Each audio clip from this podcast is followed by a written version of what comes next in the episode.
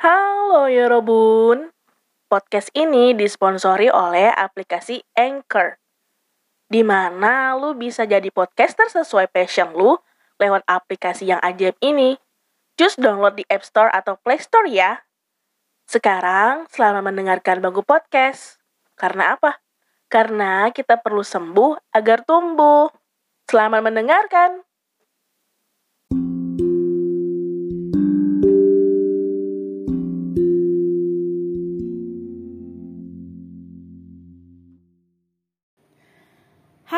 Balik lagi di segmen Senderan di mana gue ngebacain cerita-cerita dari pendengar setiap podcast Bangku Cerita yang udah ngirim ke email trilogi persahabatan at gmail.com Nah, untuk besti-besti yang pengen ikutan cerita juga, silahkan, monggo, kirim cerita kalian ke email atau bisa langsung DM ke Instagram kita di bangku.podcast. Nah, sekarang kita bacain dulu cerita besti kita ya. Selamat mendengarkan. Hai Mama Bel dan Mbak Bel, aku tuh pendengar baru nih. Tertarik sama podcast kalian pas dengerin episode tentang perselingkuhan. Karena mungkin ini sedang relate-relate-nya di hidup aku. Oke, maaf ya sebelumnya kalau ceritanya agak berantakan. Karena aku belum pernah nulis sama sekali. Anyway, sebut saja aku Sheila bukan nama yang sebenarnya. Awal mula bencana ini terjadi sekitar enam bulan yang lalu.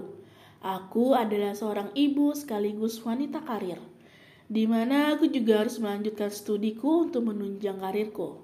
Dan semua full dibiayai oleh kantorku. Oh iya, aku sudah punya anak satu berumur tiga tahun berjenis kelamin perempuan. Kebetulan mam, aku kuliah di luar kota jadi mau gak mau aku harus meninggalkan anakku dan juga suami. Kebetulan rumahku dekat dengan rumah orang tuaku. Jadi selama aku kuliah, ibu dan adik perempuanku akan bergantian menjaga anakku. Sedangkan suami ya dia tetap bekerja seperti biasanya tanpa diberatkan untuk mengasuh anak. Awal mula aku kuliah tidak ada masalah sama sekali hingga akhirnya adik perempuanku memberikan laporan bahwa ada yang tidak beres dengan suamiku. Adikku mendapati suamiku sedang berteleponan ketika adik ingin mengantarkan masakan ke rumah. Ia mendengar bahwa suamiku berbicara begitu mesranya di telepon dan dia sangat risih mendengarnya. Memang sih awalnya adik tuh mengira kalau suamiku sedang berteleponan denganku. Tapi semua dugaan itu terpatahkan karena saat itu juga aku mencoba menelpon HP suami namun tidak tersambung. Aku menelpon adik. Adik terkejut loh, bukannya kakak nelfon abang ya? Dan aku menjawab tidak, aku mencoba menelpon abang tapi tidak bisa. Begitulah kira-kira mam.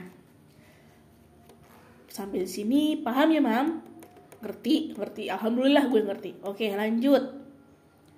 Nah awalnya juga aku nggak gimana-gimana sih mam. Ya aku pikir mungkin bisa aja dia teleponan sama teman akrabnya Atau koleganya gitu kan. Karena memang suamiku ini tipikal yang suka bercanda dengan teman-temannya.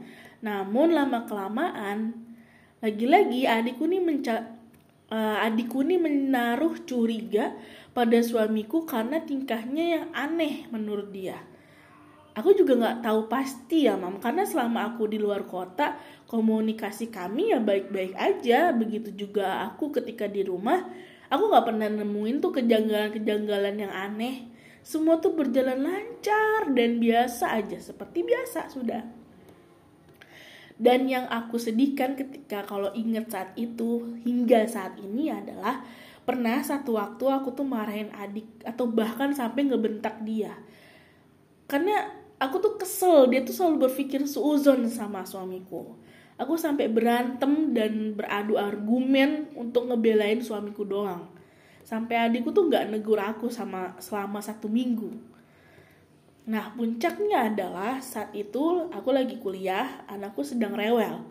Dia nggak mau diasuh sama siapa pun kecuali sama ayahnya. Nah suamiku ini tipikal orang yang kalau ngasuh anaknya tuh selalu dimanja. Dia tuh selalu nurutin aja semua keinginan anaknya.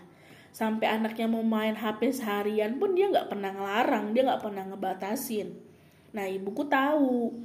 Karena ibuku tahu karena kasihan juga kan mungkin udah lama main HP-nya jadi dia nyuruh adik untuk ngebujuk anakku untuk bermain HP main aja di rumah nenek gitu. Karena kan dia takut juga kan matanya sakit atau apa gitu kan nah saat kejadian ini nih suami ini sedang suami dan anak ini sedang bermain di teras rumah yang memang nyaman untuk bersantai di sana lalu ketika adik berhasil mengambil HP dari anakku Kebetulan saat itu suamiku sedang tidur di samping anaknya.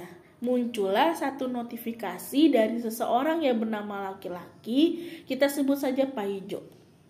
Tapi isi chat dari notifikasi itu yang ngebuat adikku tuh malah jadi penasaran dengan siapa sih si Pak Ijo ini.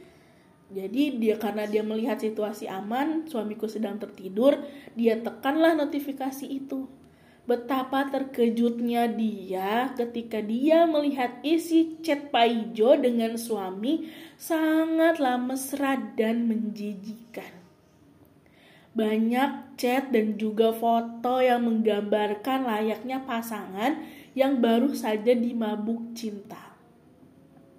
Tanpa pikir panjang, adikku langsung men-screenshot semua percakapan dan juga chat-chat yang ada di HP suamiku dan mengirimnya langsung ke HP-ku dan menghapusnya supaya suami tidak tahu perbuatan adikku.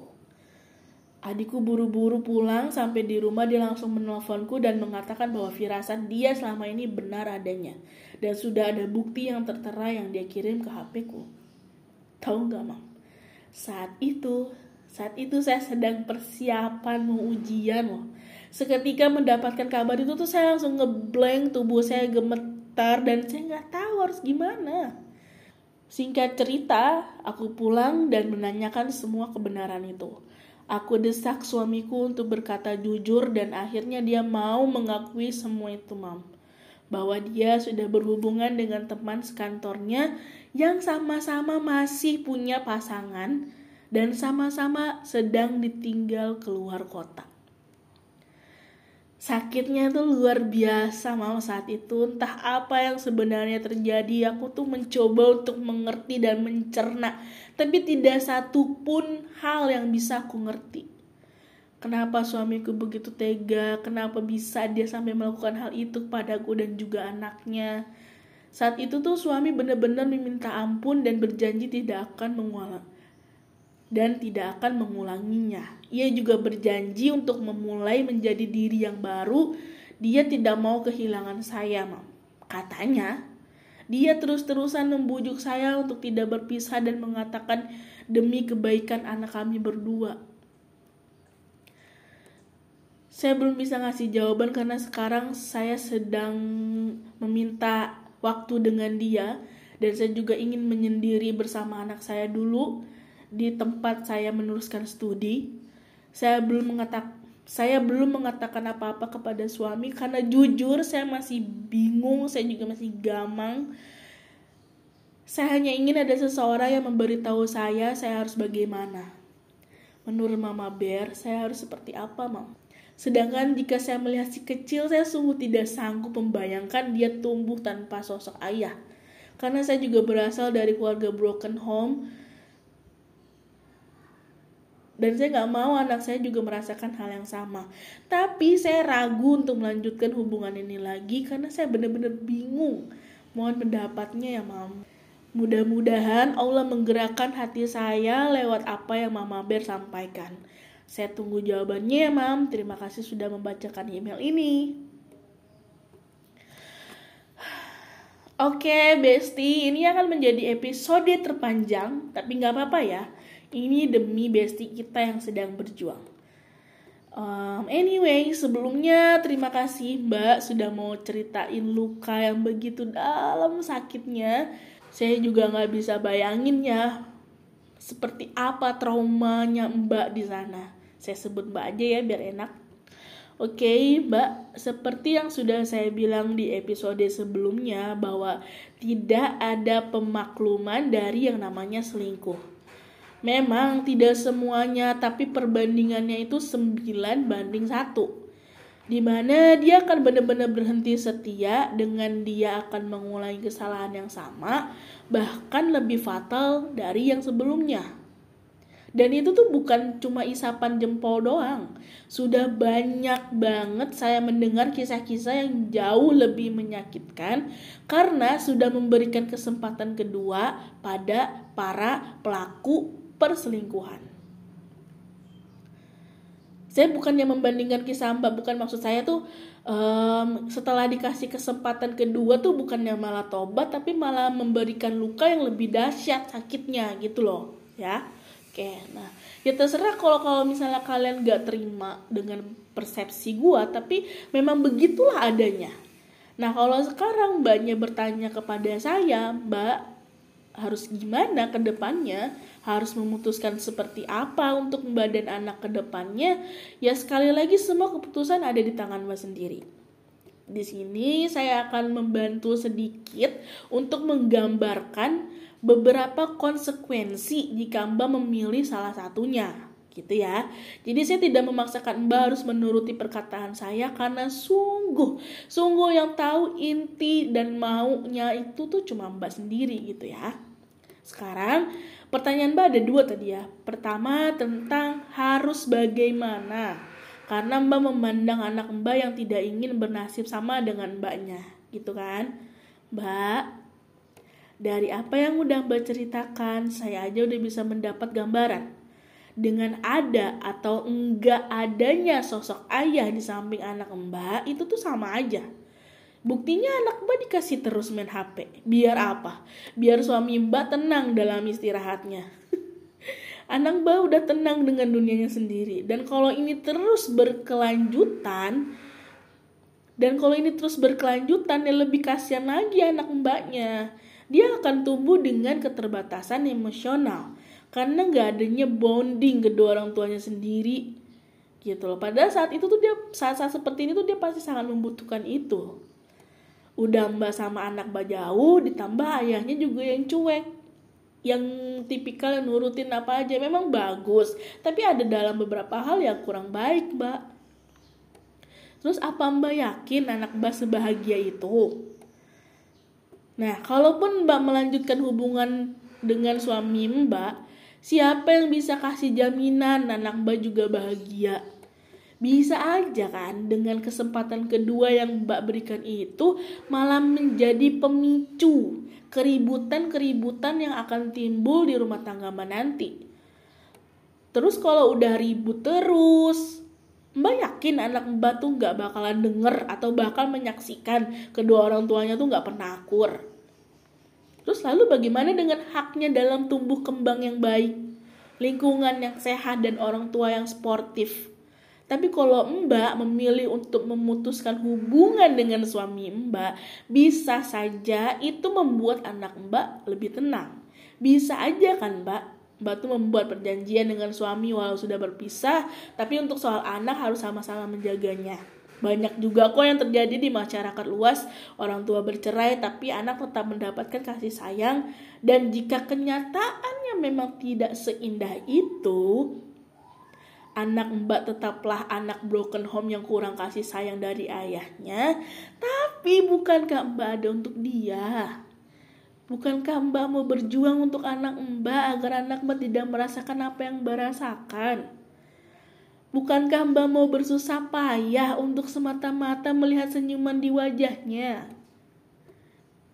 dan mbak gak sendiri loh saya yakin adik Mbak yang mengetahui segalanya dari awal tadi adalah seseorang yang siap pasang badan untuk Mbak dan anak Mbak kapan pun kalian membutuhkannya. Dan saya yakin dia pasti menyayangi anak Mbak seperti anaknya sendiri. Dan bukankah itu sudah cukup untuk anak Mbak? Karena gini ya, kita perempuan gak disakitin aja, punya rasa tidak percaya sama pasangan tuh bisa mencapai 80%. Gak ada angin, gak ada hujannya kadang curiga kita tuh jauh lebih besar. Gimana lagi ini udah jelas-jelas disakitin, dihianatin, dibohongin. Pasti rasa mau percaya itu malah minus. Terus mbak memaksakan nih untuk melanjutkan, yang ada bawaannya bakalan curiga pasti gitu loh. Bawaannya pasti suujon ini terulang lagi nggak ya? Dia jujur nggak ya? Dia beneran sayang nggak ya sama aku? Dia beneran ini nggak ya? Nah yang tadinya adem ayem tuh jadi runyem berantem siang malam. Banyak jadi stres bikin kerjaan mikirin anak rumah tangga. Aduh ruwet. Tapi kalau misalnya mbak memutuskan untuk berpisah ya paling mbak akan merasa kesepian aja.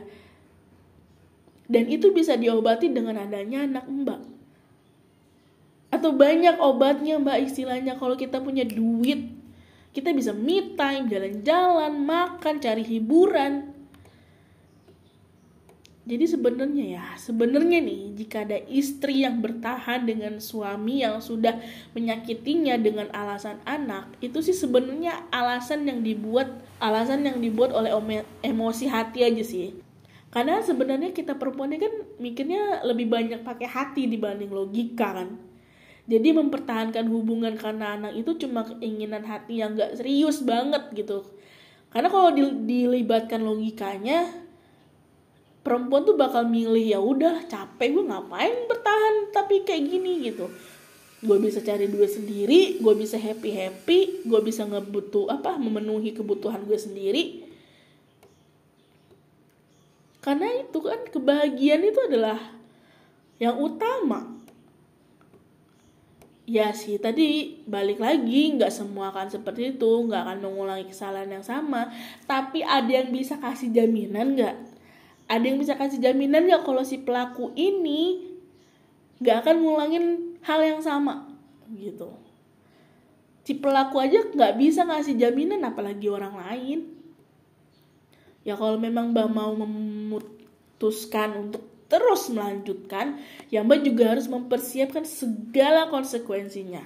Jika kesempatan yang Mbak kasih berakhir sia-sia, Mbak sudah bisa memutuskan langkah apa yang akan Mbak ambil. Syukur-syukur suami Mbak benar-benar berubah. Tapi lagi-lagi harus sedia payung sebelum hujan. Karena sebelumnya kita udah kena banjir, ya kan? Jadi paham ya? Ini akan menjadi pertarungan dan juga perjalanan yang sulit, Mbak Mbak akan berperang dengan segala pemikiran hati dan logikanya Mbak. Tapi saya berdoa semoga logika Mbak yang Mbak dengarkan kali ini ya. Perihal anak, saya yakin sekali lagi Mbak, anak Mbak itu anak-anak pilihan yang sudah ditakdirkan untuk menjadi anak yang kuat dan juga hebat. Terbuktikan dari siapa dia bisa dapetin itu. Mbak sudah menjadi ibu yang hebat, pasangan yang hebat juga Mbak nggak salah sama sekali. Mbak sudah berjuang, sudah cukup berusaha yang terbaik. Memang jalannya aja yang nggak mulus. Ya Mbak ya. Jangan pernah salahkan diri sendiri karena daun jatuh aja sudah ditakdirin gitu. Apalagi ini takdir dan nasib seseorang.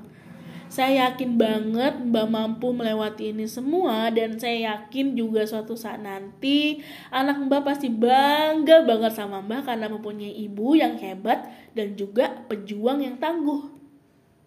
Sangat klise tapi lagi-lagi semangat ya mbak. Gak ada yang gak mungkin di dunia ini. Kamu pasti bisa Ambil waktu selama atau sebanyak yang mbak perlu Karena ini bukanlah masalah kecil.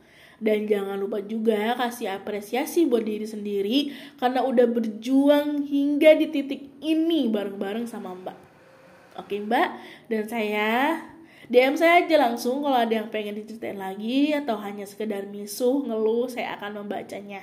Love you banyak-banyak. Dan maaf kalau misalnya dari tadi ada suara-suara di belakang karena gue udah ngetek ini berkali-kali, swear. Tapi ada aja gangguannya dan semoga ini tidak mengganggu kalian dan kalian memaklumi ya. Love you banyak banyak bye bye